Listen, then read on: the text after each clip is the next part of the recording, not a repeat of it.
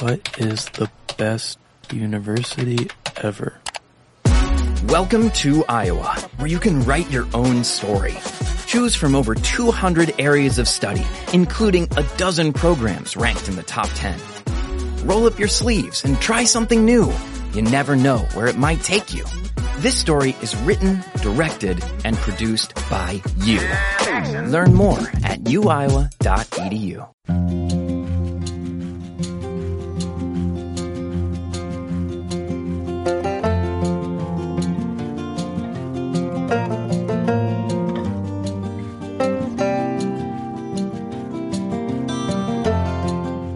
havia una vegada una cabra que vivia a Nova York. L'edifici on vivia tenia unes vistes magnífiques i un munt de cornisses robustes per enfilar-se i contemplar la ciutat des de les altures. Per desgràcia, a l'edifici gairebé no hi havia vegetació, res que una cabra pogués menjar.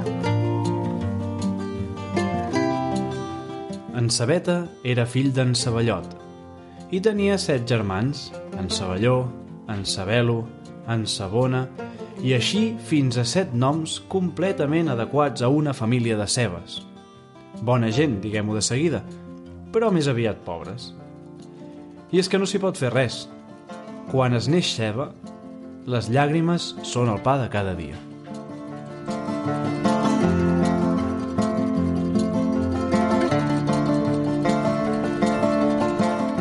Un, dos, tres. Sigueu benvingudes i benvinguts altra vegada a Tàndem. Comencem aquí un nou programa d'aquest podcast sobre literatura infantil i juvenil i mediació literària. Soc el Guillem, mestre, defensor de les biblioteques escolars i hobbit en potència. I m'acompanya, com sempre, la Marina, editora, lectora empadreïda i motivada de la vida. Hola, Marina! Ben tornada, com estàs? Hola, Guillem, com estàs? Molt bé, molt bé, jo estic molt bé. Jo, de final de curs, ja, això, ja... Que s'acabi, que s'acabi ràpid. Nah, estic content, estic content, però... Clar, però vacances sempre, sempre s'agraeixen, i més en un curs que m'imagino que ha estat uh, bastant estressant. Mm, Sí, una miqueta, una miqueta només. No ens podem queixar, que ha anat prou bé, tot plegat. Jo vull avisar, abans de res ja vareu veure l'anterior programa que estàvem fins, els dos, um, que en aquest uh, serà una miqueta el mateix, però, Sí. però vos prometem que tornarem a ser serioses el 2021, que és el primer, el primer programa. Ja torna a ser una entrevista així, d'aquestes, amb, un, amb una convidada um, que crec que us interessarà molt escoltar, però ja està, és el darrer, el darrer sacrifici que feis, escoltar-nos a nosaltres dos eh, fent les nostres tonteries. Podríem dir que ens hem donat un, un mes de marge, no?, d'aquest desembre, com a, Exacte. com a tranquil·litat. Sí, necessitaven treure aquesta energia per qualque banda.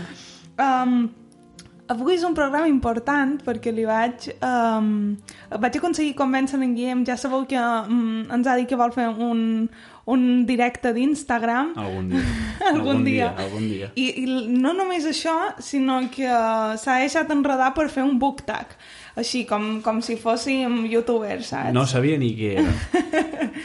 Així que farem el famós book tag de finals d'any, que permet repassar una mica les trajectòries um, lectores durant l'any. També començaré el Guillem perquè se faci una llista de lectures que va fent durant l'any, perquè li ha costat la vida fer això. Sí, anava a dir, no sé vosaltres, però, eh, no sé, hi ha, hi ha gent com la Marina molt ordenada que s'apunta als llibres que llegeix. Sí. Jo no ho he fet mai.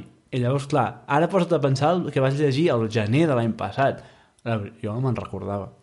Clar, perquè la premissa d'aquest tag és repassar mitjançant els mesos de l'any diferents categories, que a més està bé perquè si surts una mica um, dels tops, de fer el teu top 5 de lectures preferides, mm. perquè ja vos podeu imaginar que crec que ens repetirem igualment, però que els Sí. nostres llibres preferits ja us els hem recomanat uh, pel podcast o per la newsletter i així no, no, no, no feia un bolla amb Clar, aquestes i, coses. I, I a més tenint en compte que buscàvem literatura infantil i juvenil, que Sí. encara és una mica més, tot plegat, més complicat. Clar, perquè també llegim literatura d'adults, vale?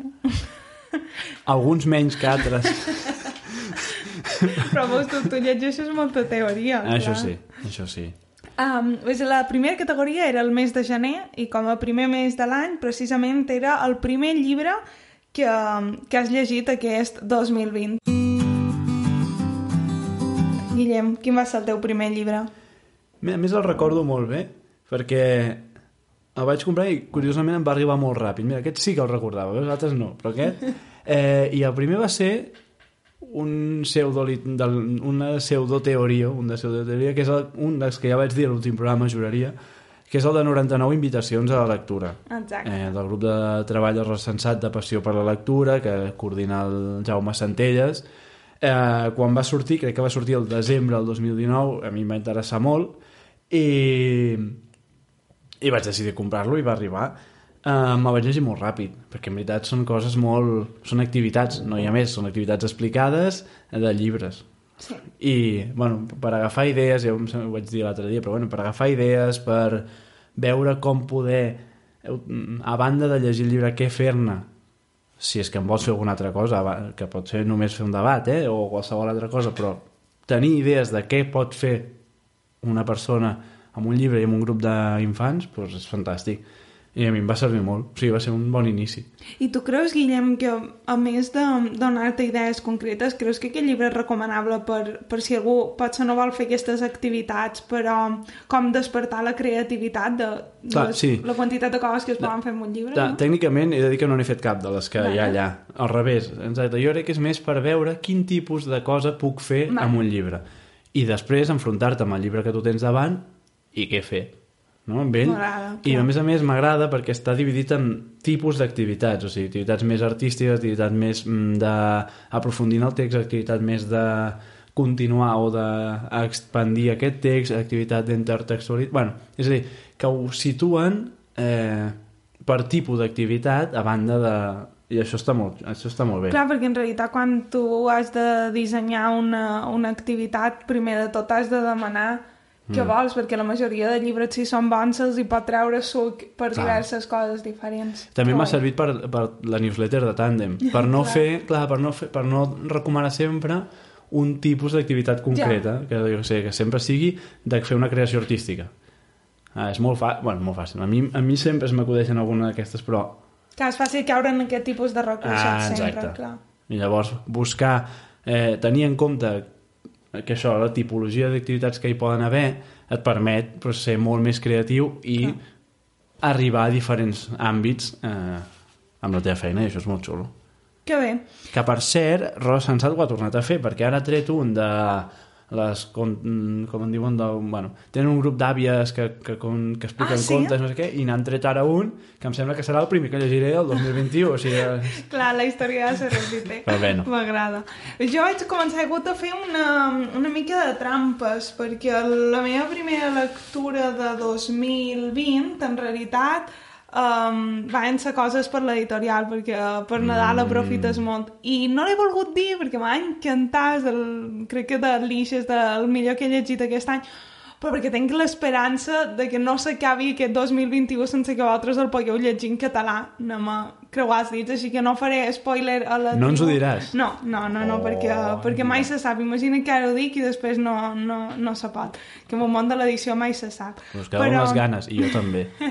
Però um, mirant a la llista, el meu primer llibre de l'Ix, i és una mica complicat um, catalogar-lo com a tal, és El vigilant en el camp de Segol de Salinger. Una novetat. Sí, exacte. Perquè, a més, um, que va ser un dels llibres que, um, que l'Eugènia Brogi, quan va crear l'altre editorial, tenia com, com dins el cap. Mm -hmm. I, um, i no sé, va, va ser entre... No pot ser que me dediqui a la literatura juvenil i no hagi llegit aquest llibre, Ja. i, i també per pròpia afinitat amb l'editorial on estic, de, de saber de quin punt literari partíem. I, mm, I a més enguany ha estat a partir d'aquest llibre de Salinger sí que he vist que he llegit com a moltes històries d'adolescents, a més n'hi va haver unes quantes que van venir com a molt seguides en els primers mesos mm -hmm. fins i tot um, després de Salinger, just després de Salinger vaig llegir un llibre del Cameron que era Algun dia aquest dolor et servirà que són dos llibres que funcionen superbé plegats. El de Salinger eh, és més antic, però, però no sé, crec que és una història de... no sé, és com la història d'adolescents per, per antonomàcia, no? Aquest adolescent outsider que, um, que renega, renega del món on, on ha de viure i de totes les normes que imperen. Però um, va ser una lectura que m'ha agradat, que jo crec que és un d'aquells llibres que generen posicions oposades de oh, t'encanta, o... Sí, i a més jo diria que és un llibre que a vegades s'ha fet llegir a ESO o batxillerat. De fet, jo diria que si, si no vaig llegir pràcticament, eh, també provoca aquest fet, no?, que pot agradar molt o al contrari, Clar. o avorrir-ne Jo, jo crec que sí, a més que va canviant molt. Una amiga meva, que és un llibre que li agrada molt, diu, també depèn de quina data el llegeixes. Mhm. um, uh, diu, jo me'l vaig llegir quan era adolescent, això a l'institut, i diu, i el vaig rebutjar totalment, supos que perquè m'hi emmirallava i era com, jo això no vull que m'ho diguis. Després Mhm. me'l vaig llegir amb 20 anys i sentia com adorabilitat per aquest personatge. Clar, és d'aquests llibres que, um, bueno, com, com totes les apostes arriscades, que hi entres o, o no hi entres per res. Mm, està bé, per, per començar l'any va estar bé, no? Exacte. Què, I- febrer o què? Sí, entrant dins del mes de febrer, com que és el mes més curt, efectivament és el llibre més curt que t'has llegit aquest any. Um, aquí ho tenim complicat, jo crec que, Sí. perquè um, dins el món de l'Alix pots caure dins, dins els àlbums. Um, jo, per exemple, he intentat que com llegeix més narrativa que àlbums, ja centrar-me dins narrativa el llibre més curt que havia llegit. Tu que llegeixes més àlbums, A, pots... a mi m'ha costat, clar, jo he dit, va, jo vaig a àlbum i dels àlbums el més curt. Clar. I, uf, ha costat, però al final de, els àlbums més curts vol dir que tenen més, menys, o sigui, menys pàgines, depèn de com no acaba de coincidir, no? Perquè potser el text d'un, o no sé, Sí, bueno, al final he decidit un i mira, i si Sí. és a bé i si no, eh, pues, perdó. Tot està bé aquí. Sí, tot, al al final. final no vendrà ningú a censurar. Va, Marina, comença tu, comença tu, què, què has triat? Um, O jo quin vaig- és més que Jo quin vaig has triar al final uh, La maleta, de Mhm. la Núria Parera, que ha estat un llibre que hem llegit per feina, eh, Guillem? Sí. Que a veure quan ho podrem explicar. No. Um, un projecte que hem fet ja com a tàndem. Um, vaig llegir La maleta de la Núria Parera i és un llibre um, d'unes dimensions molt petites, Sí. criticava la butxaca, molt curt, però a més el que, el que deia el Guillem és curt en pàgines, però també és molt curt en text, perquè jo crec que si poséssim en un format llibre simplement el text corregut, mm, ocuparia molt poc. I, I crec que de tots els llibres de narrativa és l'obra més curta, perquè és això, a més, és com molt poètica, um, per, ressegueix tota la història del segle XX a Catalunya, des del de, el tema de les colònies industrials fins, fins als camps de, de refugiats a, a Grècia, i, i res, sobretot es centren en els fets històrics ocorreguts al segle XX i ho fa a través de la maleta, d'aquesta maleta que va passant de mà en mà i s'explica la història i clar, en realitat la, la màgia del llibre està en, aquesta, en aquest poc text perquè tampoc no necessita més per explicar-se Mm. Si ho heu notat, la Marina acaba l'any eh, misteriosa, eh? No us puc explicar el llibre de gener perquè potser no sé què. No us podem explicar encara el projecte de tàndem, no sé què. Quina És, petarda un- és, un, és un programa de sí, cliffhangers. sí, en realitat, en realitat ho faig per fer-me la I, I tu, Guillem? Jo he agafat, de fet, l'últim que vam recomanar a la newsletter, que es diu Xxt, a dormir, i és de la Dorothy de Montfreit, Montfreit, ja comencem un altre cop. No m'ha pres res. Els abracadabra, per favor, vinguin aquí, ajudi'ns. Eh, que al final és aquesta història que és en format vertical, és per nens, per primers lectors, per, per, o, o per nens que encara no saben llegir, els hi llegeixes tu, i són, això, vuit amics, gossos, que estan dormint. Però de fet només dorm un perquè ronca. Llavors els altres es van despertant a mesura que van roncant, no? I un és que no puc dormir, llavors val, vine cap al meu llit que et llegeixo un conte. Llavors mentre estàvem baixant un, l'altre diu "És que no puc dormir, em pots deixar eh, el teu peluix? Val, sí, però no me'l facis malbé. I al final el que acaba passant és que acaben tots al llit d'un que els està explicant un conte, no? I fa molta gràcia no? perquè el format que és allargat dona aquest espai a, les, a les lliteres. De fet l'espai és sempre el mateix. Llavors són els personatges que es van movent amb bafaradetes molt petites i és molt àgil de llegir. Sí que és veritat que l'Emma Bosch de fet l'havia mm, l'havia havia fet una crítica diria a Faristol i parlava, ella que en sap molt d'aquestes coses clar, jo això, quan m'ho diuen m'hi fixo i dic, ostres, és veritat. Que sí que hi ha un, a la il·lustració eh, es veu molt el, el camí de la il·luminació de nit a dia, o sigui que va Que fent xulo. molt mica en mica aquest fer-se de dia això ets Emma Bosch i ho veus a la primera. Ets Guillem Fargas i trigues una mica Em més a veure-ho. unes quantes lectures. Però, però ho acabes veient i és veritat que un cop ho veus, ostres, té molta gràcia, a banda del, del joc aquest entre els amics, de, i de, és, un, és un llibre molt bonic, en general, i d'anar a dormir i així. Bueno, I al final també té gràcia, que a mi ja sabeu que això sempre m'agrada. Sempre li agrada. Bueno, I aquí poden fer una crida um, a que ens seguiu també a la newsletter, Sí. que ens, ens duen molta feina, però intentant que estiguin fetes amb molt d'amor i anem recomanant llibres allà. Um, Ah, puc dir jo ara? Va, va, va. sí, Va, va, va. És que em fa il·lusió. endavant. Eh, anem a març. A març tenim escriptora preferida del 2020.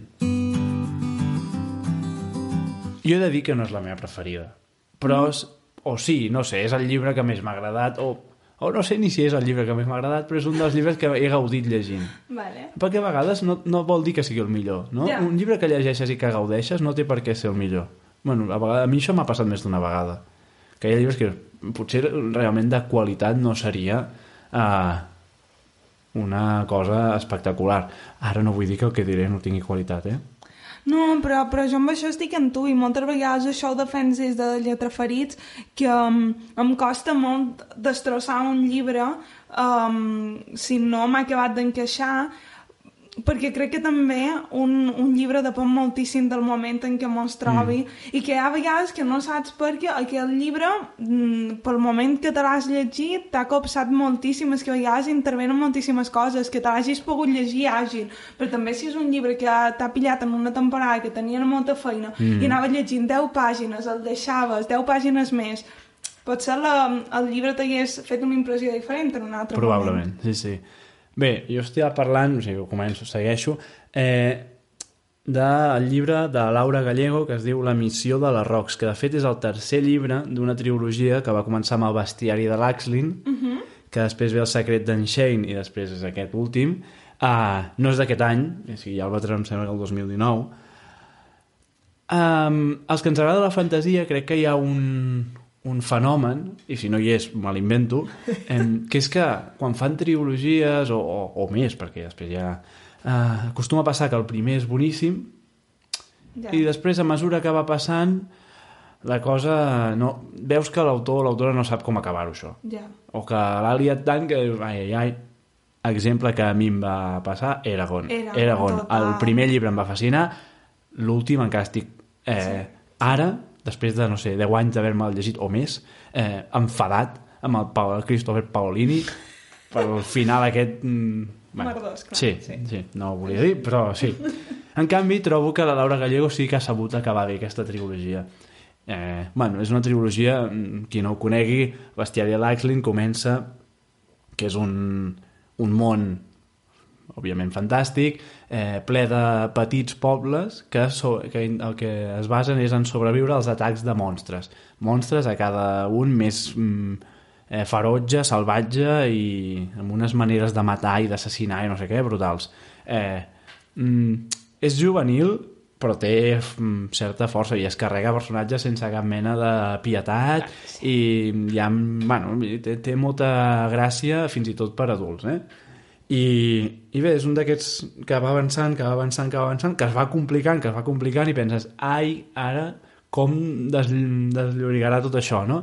I trobo que, mm, almenys a mi, em va convèncer al final. Que em bé. va convèncer. I llavors, clar, eh, en un friqui de la fantasia com jo, que un, una trilogia fantàstica que et va agradar molt al principi i acabi bé, uh, et dona una satisfacció bastant important. Jo la meva escriptora preferida del 2020 he de confessar que al, al final l'he acabat escollint uh, per eliminació. Ah, perquè he llegit um, per primera vegada un munt d'autores que m'han encantat així que el que vaig fer va ser intentar pensar les altres categories Sí. i intentar encabir aquí una, una autora. I al final ha estat la Shirley Jackson que no sé si és una mica trampa no m'enrotllaré xerrant del llibre perquè la prestatgeria que vàrem fer eh, per Sant Jordi. Mm -hmm.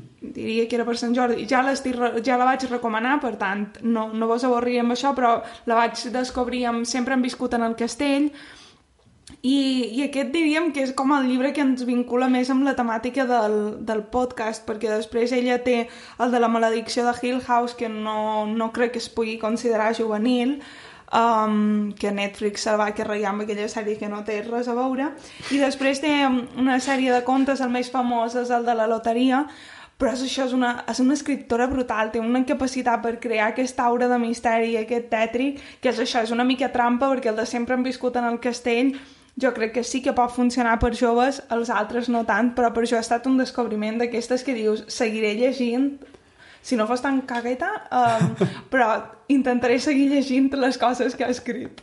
Jo crec que això és, és interessantíssim, el, el intentar, no sé, com a, com a recomanació o com a joc, o no mm. sé, o sigui, als meus alumnes els dic de tant en tant, intenteu que cada any conèixer això, un, bueno, si en són més d'un, millor, sí. però un autor, un escriptor, una escriptora que no, conegueu, que no coneixeu abans, o sigui, agafeu un llibre de que no sabeu qui l'ha escrit, home, suposo que tu ja tenia alguna referència, però trobar nous... Mm, això, nous mons, noves maneres d'escriure, noves maneres de pensar, no...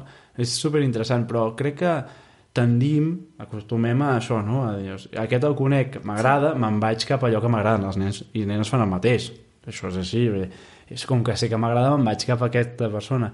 Doncs intentar tant tant sortir d'aquí no? i anar a buscar no tinc ni idea d'aquesta persona i fer bons descobriments com, com és el cas, doncs crec que és una cosa interessant, no? Sí, amb això estic d'acord. De fet, jo som conscient que tampoc no som una lectora normal en el sentit de que hi ha moltes coses que les llegeix per feina, mm -hmm. per, per les diferents coses que faig, i això també fa que per força, t'agradi o no, hagis de sortir de la teva zona de confort. Mm -hmm. Per exemple, m'encanta uh, la novel·la del segle XIX, i reconec que no en llegeix tanta perquè he de fer allò que novetats, però si, si tingués una feina que no depengués per res de la lectura, però probablement estaria molt més en, encasillar i això jo crec que l'indústria ho sap i se n'aprofita. El famós cas de Jerónimo Stilton a les sèries aquestes eternes és d'això, pel nen i pel, per la família que ha de comprar els llibres és molt més fàcil sempre anar a, tirar, comprar la tirallonga aquella que anar a una llibreria i cercar recomanació o tu mhm. cercar-te una mica la vida i crec que um,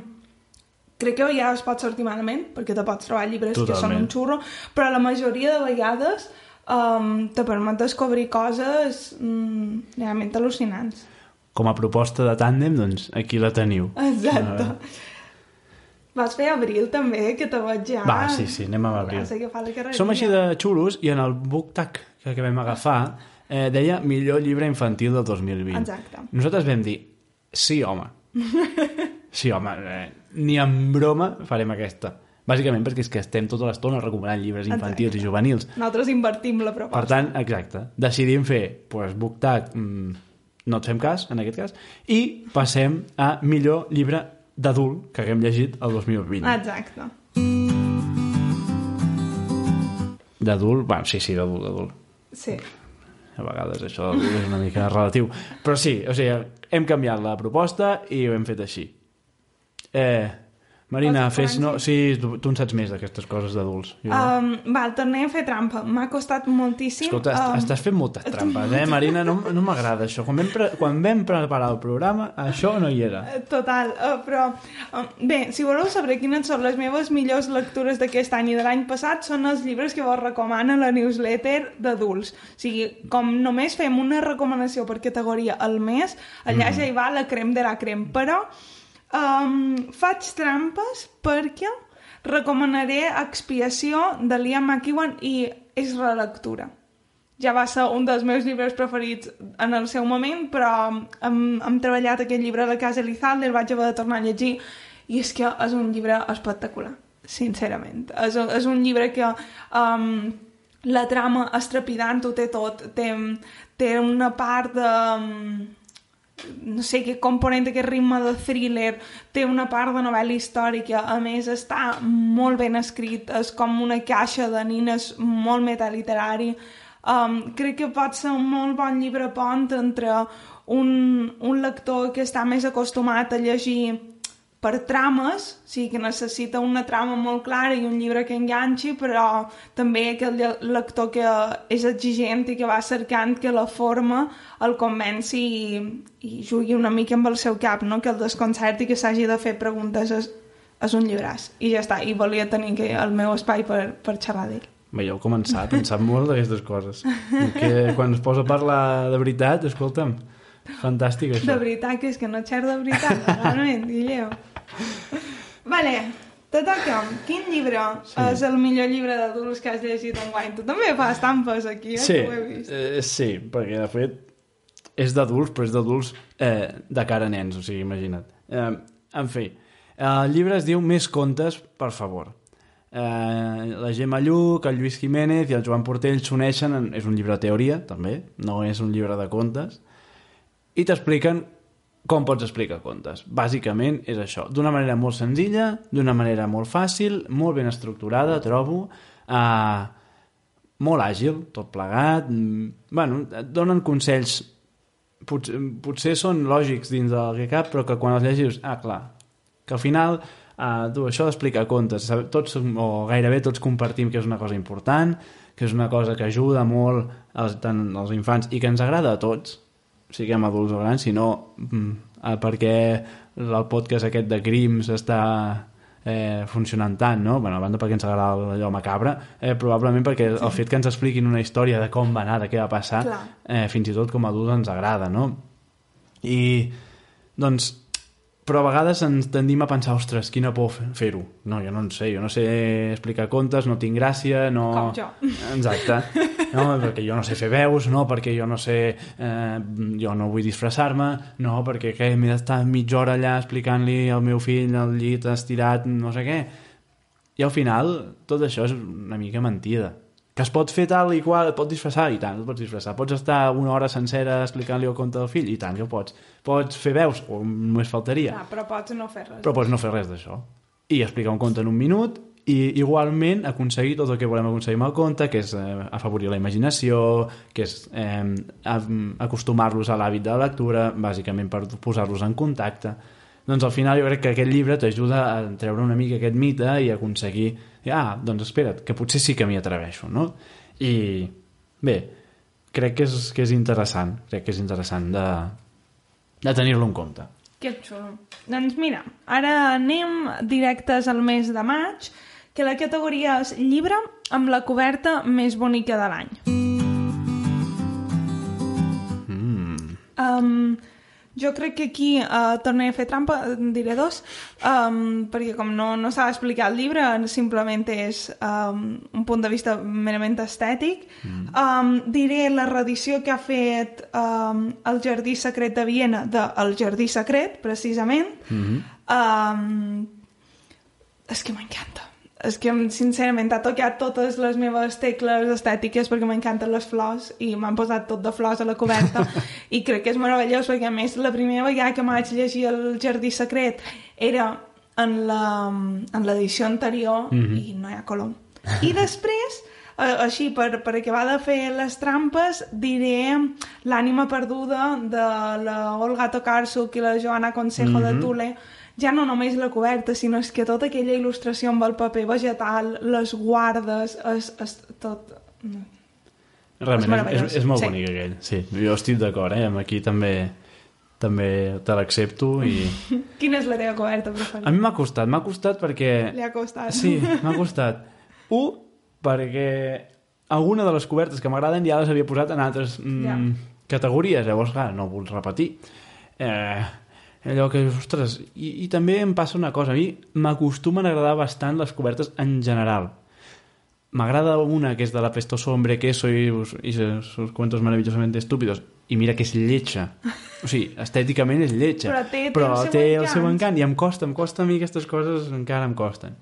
Però bé, uh, n'hi ha una que és veritat que crec que, que, bueno, que quadra molt amb el que després hi ha dins de, del llibre, no? que és aquest de, del llibre de Flamboyant que es diu Amb calma, que de fet també el vam recomanar, ara no me'n recordo on. Sí, una newsletter, crec Juraria que hi que ha sí. un programa també, Bé. crec. No sé, aquesta eh, delicadesa, aquesta senzillesa del llibre no crec que està molt ben representada a la coberta, no? I, bueno, eh, m'agrada això, no? Que la coberta al final representi el que després trobaràs dins I és molt suggerent, també Sí. convida molt a obrir el llibre. Exacte. I t'explica, fins i tot t'explica com la, una història que després et trobaràs a dins només amb la il·lustració, no? Així, puntet a puntet, i crec que és, que és... Bueno, que aquí la, la, la il·lustradora, que és la Freya Artes o Hartes, no sé, perquè va Mac, però crec que aquí ha aconseguit molt captar molt l'essència i és xulo.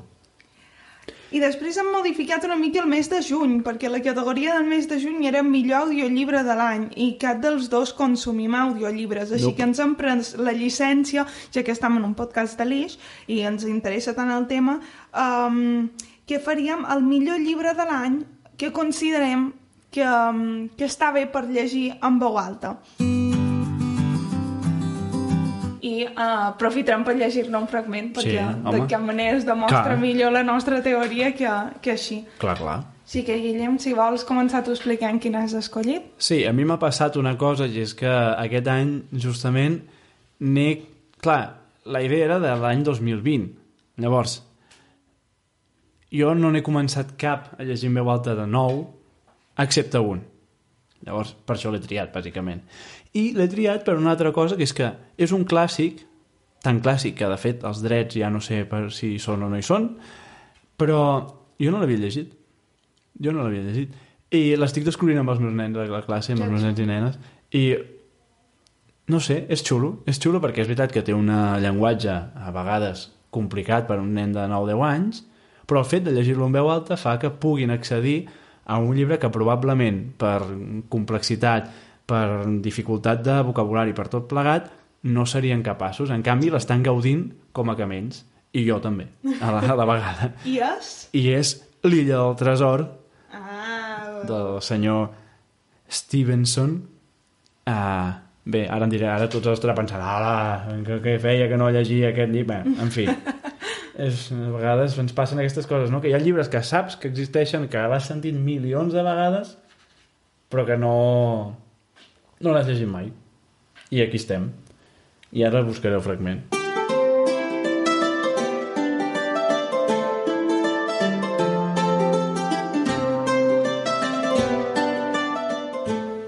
Doncs llegiré un fragment que és just el fragment en què arriba, o sigui, és l'inici del llibre, que arriba el capità a, a la fonda, a la taverna, on hi ha en Jim Hopkins i la seva mare.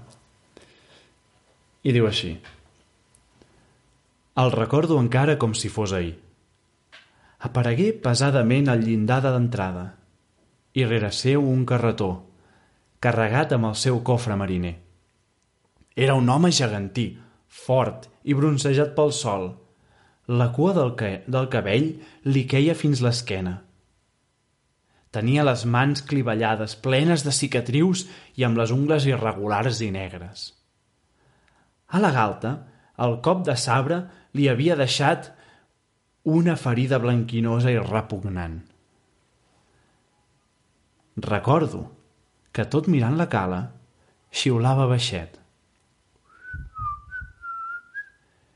I després es posà a entonar la vella cançó marinera que tan sovint li havia de sentir. Quinze són que volen el cofre del mort, quinze són, ho, ho, ho, i una ampolla de rom. La veu li ressonava tan ronca que semblava el cruixir gemegós de les barres d'un vaixell. Després trucà a la porta amb una mena de parpal que duia. En aparèixer, el meu pare li demanà, li demanà a crits un got de rom. Begué a poc a poc, com ho fan els tastavins, assaborint el líquid amb els llavis, sense deixar de mirar els penya-segats de la costa i la mostra de la posada.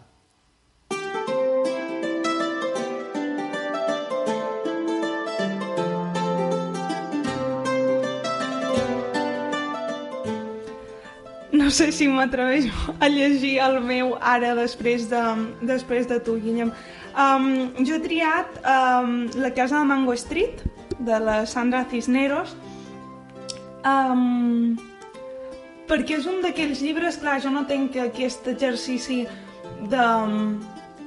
de no, no he de dur a ningú una lectura en veu alta, però sí que hi ha certs llibres, m'ha passat l'any passat amb La passió de la Janet Winterson, que a més d'agradar-me m'agrada tant com sonen que m'agradaria poder llegir algú en veu alta aquest Ja. llibre. Mm. I aquest de la casa de Mango Street em va passar perquè, a més, els capítols són com historietes més o menys independents, perquè l'Esperanza Cordero, que és la, la protagonista, va explicant tant històries seves com de la gent que viu al, al seu barri, Mhm. en aquest carrer Mango, i, ho, I són historietes molt curtes i molt poètiques, i suposo que per això també em, també ajuda. I la Míriam Cano va fer un exercici de traducció uh, meravellós i llegiré un dels contes, que és el de Vagabunds a les golfes. I diu així. Vull una casa a la muntanya com aquelles amb els jardins on treballa el pare. I anem els dius monges, que és el dia que ell no treballa. I anava, ja no hi vaig. Ja no t'agrada sortir amb nosaltres, em diu el pare. Que t'estàs fent massa gran, s'està tornant una tibada, diu la neni. El que no els dic és que em fa vergonya quan ens quedem tots mirant per la finestra, com morts de llana. Estic cansada de mirar coses que no puc tenir. Quan ens toqui la loteria, comença la mare, i ja no l'escolto. La gent que viu a la muntanya dormen tan a prop dels estels que s'obliden de nosaltres, que vivim massa enganxats a la terra. Mai no miren avall si no és per complaure's de viure a la muntanya. No han de preocupar-se de què fer amb les escombraries de la setmana passada o amb la por a les rates. Arriba la nit. No us desperta res llevat del vent.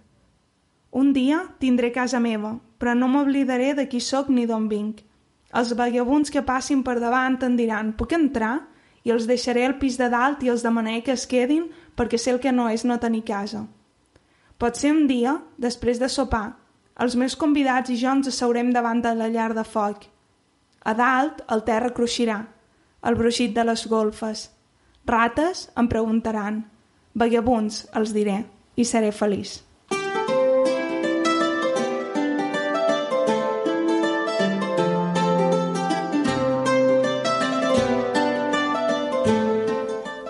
Preciós. No sé, per... veus? El que parlàvem d'abans, no sé per què, dius que no en saps. Fantàstic, superbé. Moltes gràcies. No, perquè al final es- estils diferents, però les dues expliquen un conte, sí o no? Sí, a veure, també hi ha Ah. llibres que no necessites més artifici que això, eh? Um, I amb això ja hem arribat a, Sí, a, la meitat de l'any. sí, fem una pausa publicitària. Que no sentirà publicitat, però no passa res.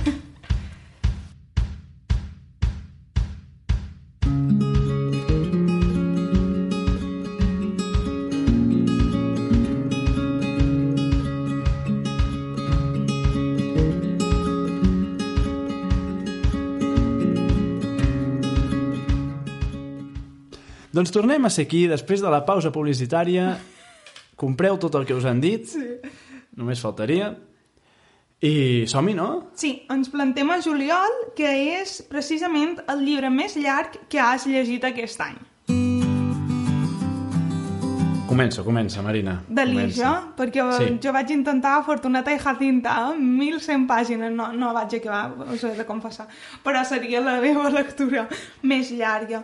Però de l'Ix, jo diria, segons he mirat, um, que seria um, Ulls Verds, que és una novel·la juvenil de la Joyce Carol Oates, que publica Gran Angular, té, té molts anys mm -hmm. en realitat, no sé si està descatalogada o no, però... Um, però és això, crec que seria la meva lectura més llarga i em va sorprendre moltíssim perquè és un, és un llibre que crec que ha envellit molt bé i um, no havia llegit res de la Joyce Carol Oates, que és una d'aquestes eternes uh, nominades al Nobel i, i mira, m'hi vaig estrenar mm. amb la seva novel·la juvenil.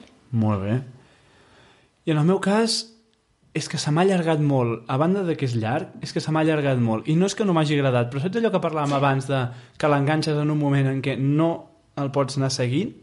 Doncs jo diria que des del mes d'abril fins a mes de novembre me l'he estat llegint. Ja. Eh, I torno a repetir, m'ha agradat, però crec que m'hagués agradat més si hagués tingut el, el moment de llegir-me'l amb més... Mm, Sí, això passa Freqüència, molt. eh? Quan saps que un llibre, si l'haguessis llegit més seguit... Uh... Eh, perquè bé, és Corazón de tinta, de la Cornelia Funke, eh, bueno, és, és famós, és, tothom el coneix, han fet pel·lícules i el que tu vulguis, no me l'havia llegit i, i bé, a veure, són 608 pàgines, sigui, curtet no seria.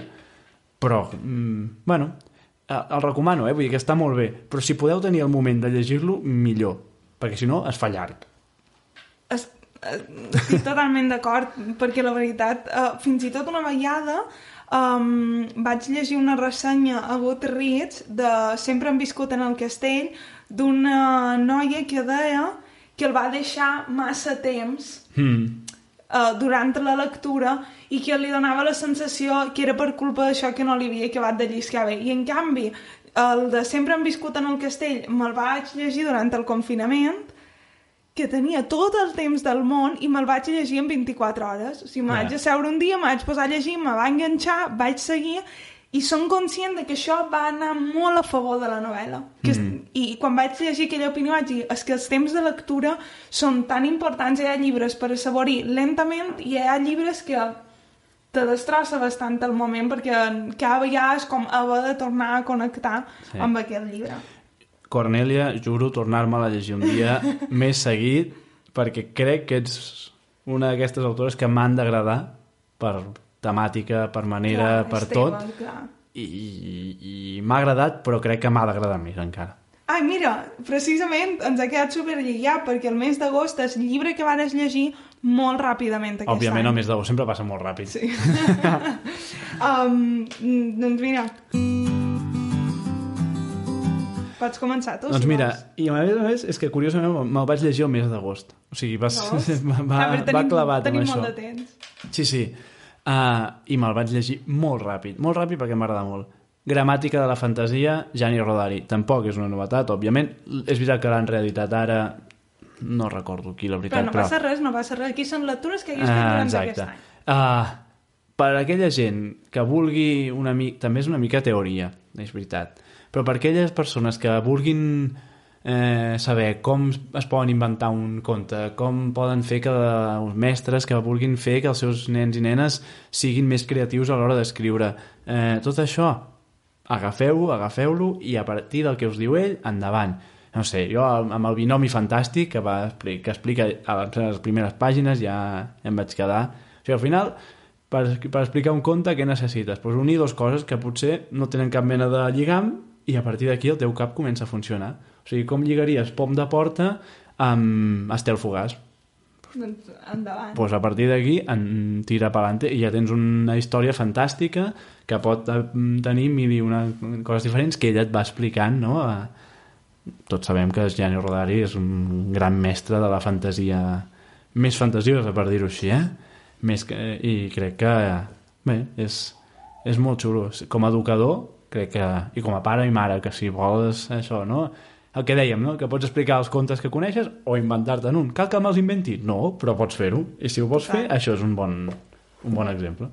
Doncs el meu també és de teoria. De fet, el de Sempre han viscut en el castell podria estat una Mhm. opció, però a més, um, saps aquells moments en què entres, jo crec que estic immersa en una crisi lectora ara mateix, això, tens tanta feina i tens tantes coses que mai trobes el moment per Sí. asseure't molt de temps a llegir i la teva ment està dispersa, Sí, sí. doncs durant el confinament em va passar tot el contrari. Mira que era un moment com per estar preocupada, però era com els llibres són el meu refugi Mhm. i vaig agafar com aquesta la dinàmica de m'interessa llegir-me un llibre, doncs m'assec i no atur fins a haver-me Ja. yeah. acabat de llegir. I, mm, I crec que havíem de xerrar de lectura en veu alta, crec que era per aquest programa i vaig dir com pot ser que no vaig llegir, llegir com una novel·la del Penac que parla d'això, lectura en veu alta a classe... Me'l vaig agafar un matí i fins a migdia vaig estar allà asseguda i me'l vaig acabar. I diria que és una de les que m'he llegit més, més àgilment aquest any. Aquesta sensació de connectar amb el llibre i de, i de no parar sí. és xula, eh? És molt xula. I a més a més, quan... Això, tant els adults, però també quan veus que un nen o una nena fins i tot, això, no pot parar de llegir perquè està sota el calaix, fins i tot enmig d'una classe, perquè està enganxada Sí. amb allò, com a mestre no li pots deixar fer, però com a mediador literari penses, oh, que bé, Sí. quina il·lusió que passi això, no? És, és, aquesta sensació és brutal. A més, no sé si te dona aquesta sensació, però avui en dia em- aqu- això m'apareix quasi un acte subversiu, perquè en un moment en què totes les tecnologies, tot ens impulsa um, a estar fent mil coses a la vegada, a no estar concentrat o enfocat en res, poder estar simplement unes hores en silenci amb el teu llibre i ja està, és això, és com quasi antisistema. Estàs, estàs... sí, realment, sí. sí, sí. Um, el mes de setembre era mm, un llibre d'un autor nacional que hem llegit aquest any. Mm -hmm. Així que, Guillem, quin ha estat el teu, el teu autor? Mira, aquest sí que és un dels llibres que si hagués de dir top de l'any, jo el posava allà, eh? La platja dels inútils. Gran llibre. Àlex Noguer, la Bea Enríquez, crec que es diu la il·lustradora. Em sembla, em sembla un molt, molt, molt bon llibre. Molt bon llibre. Molt ben fet, molt ben editat, que què ho vaig dir quan el vaig recomanar. Sí. Uh, un gust, un gust llegir-lo. O sigui, per mi ha sigut... A més, me- me'l va regalar una mare de l'escola. Uh, crec que no li poder agrair gaire, les... perquè és que, a més, també és veritat que es llegeix ràpid, eh? també podria anar bastant uh, més ràpidament de l'any.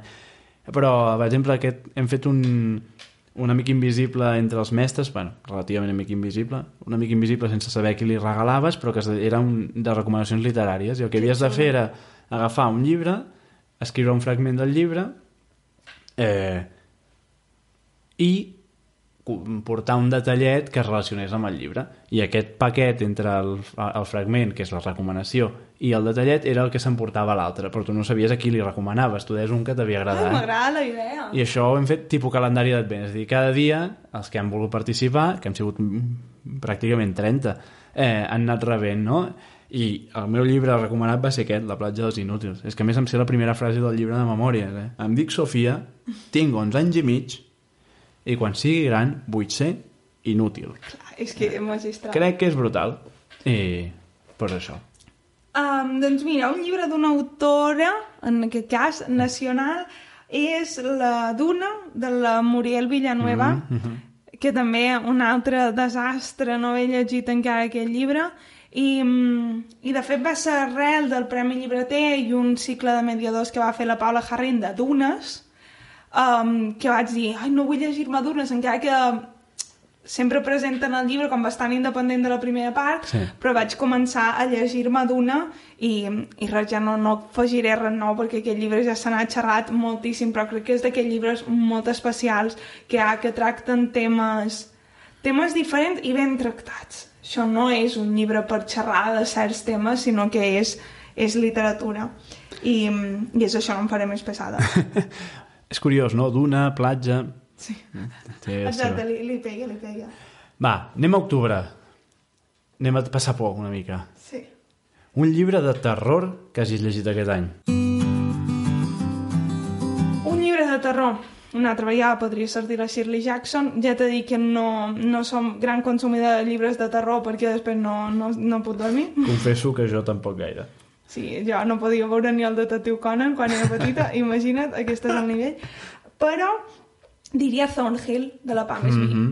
que és aquesta mig... mm, Sí, com novel·la gràfica, perquè està explicat en dues temporalitats. Una temporalitat està expressada um, amb text i l'altra temporalitat és només imatge, i les dues realitats es van conformant fins a un final que... um, no sé, a dia d'avui si l'he entès o no.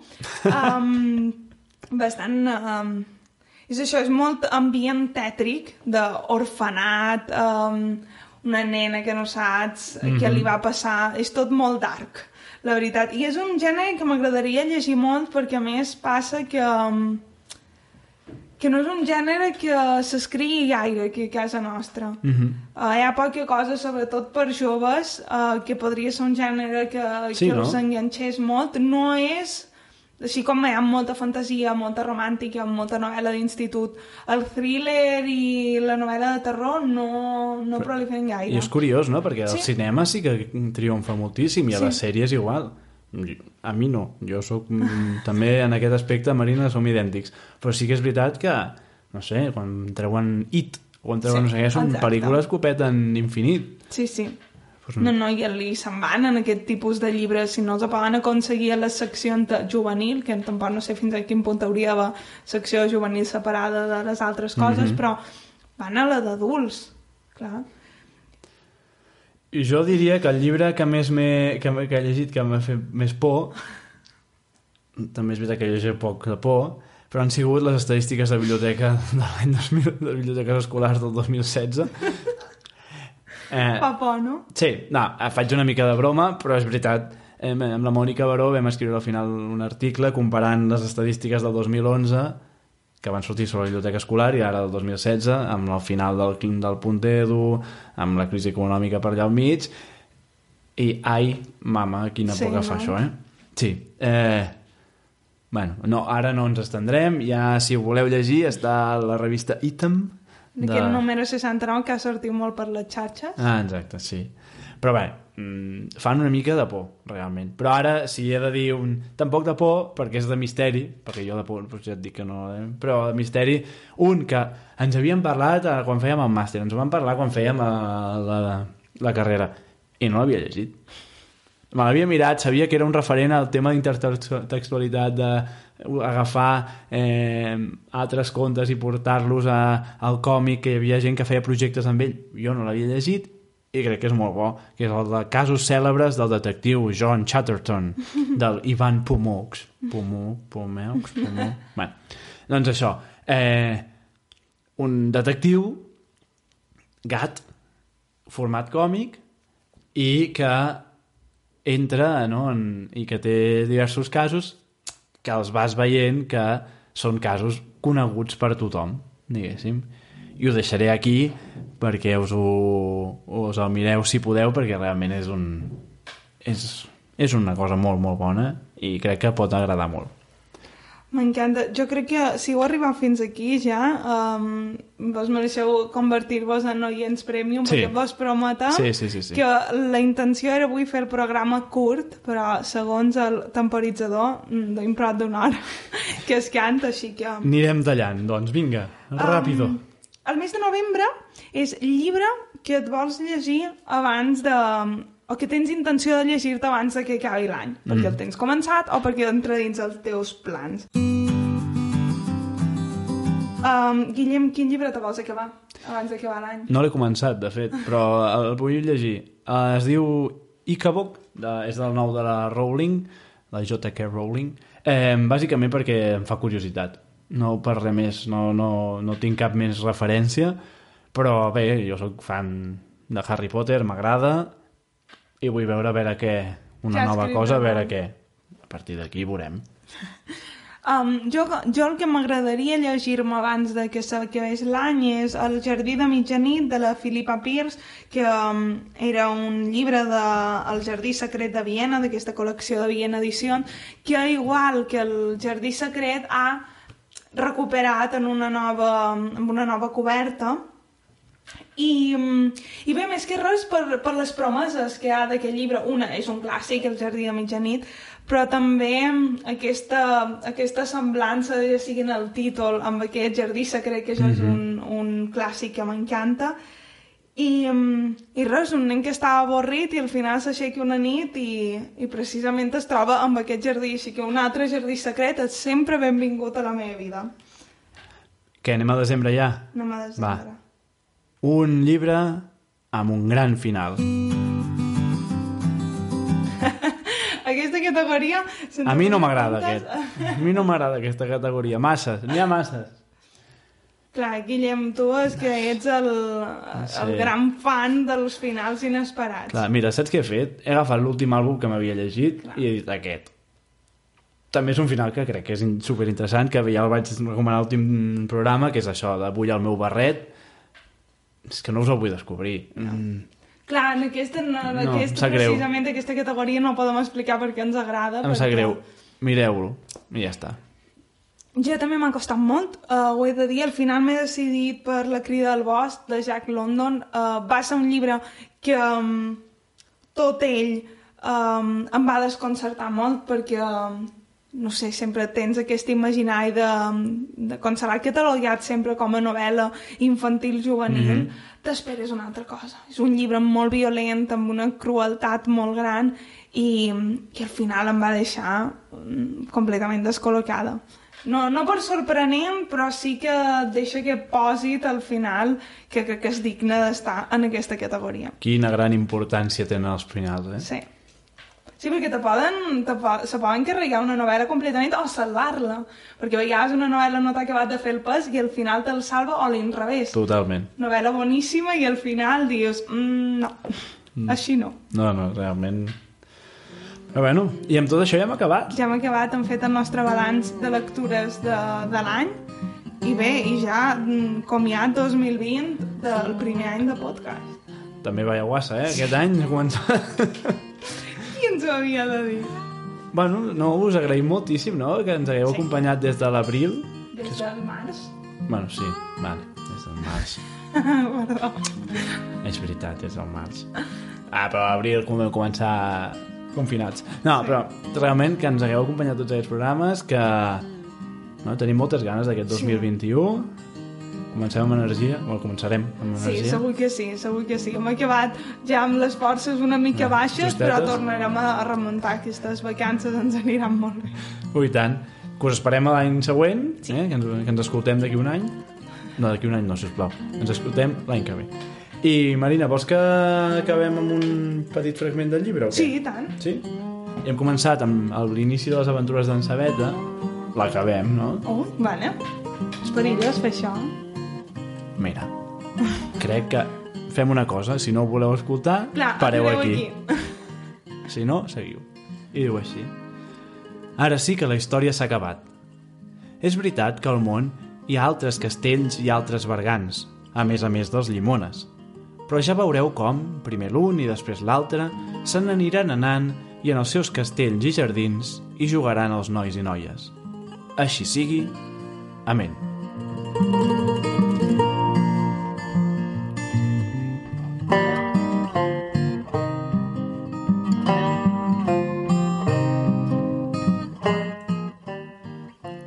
fins aquí el programa d'avui.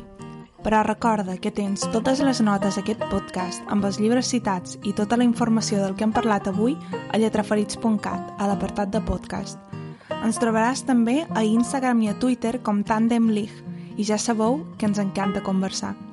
I si el programa se't queda curt, et pots subscriure a la newsletter. Cada mes rebràs una carta amb més recomanacions i contingut relacionat amb la mediació literària i la Lix. Som na Marina Llompart i en Guillem Fargas i si t'ha agradat aquest episodi, recomana'l o subscriu-te. També ens pot deixar un comentari o fins i tot una valoració. Gràcies a totes les persones que ens feu arribar una miqueta més lluny.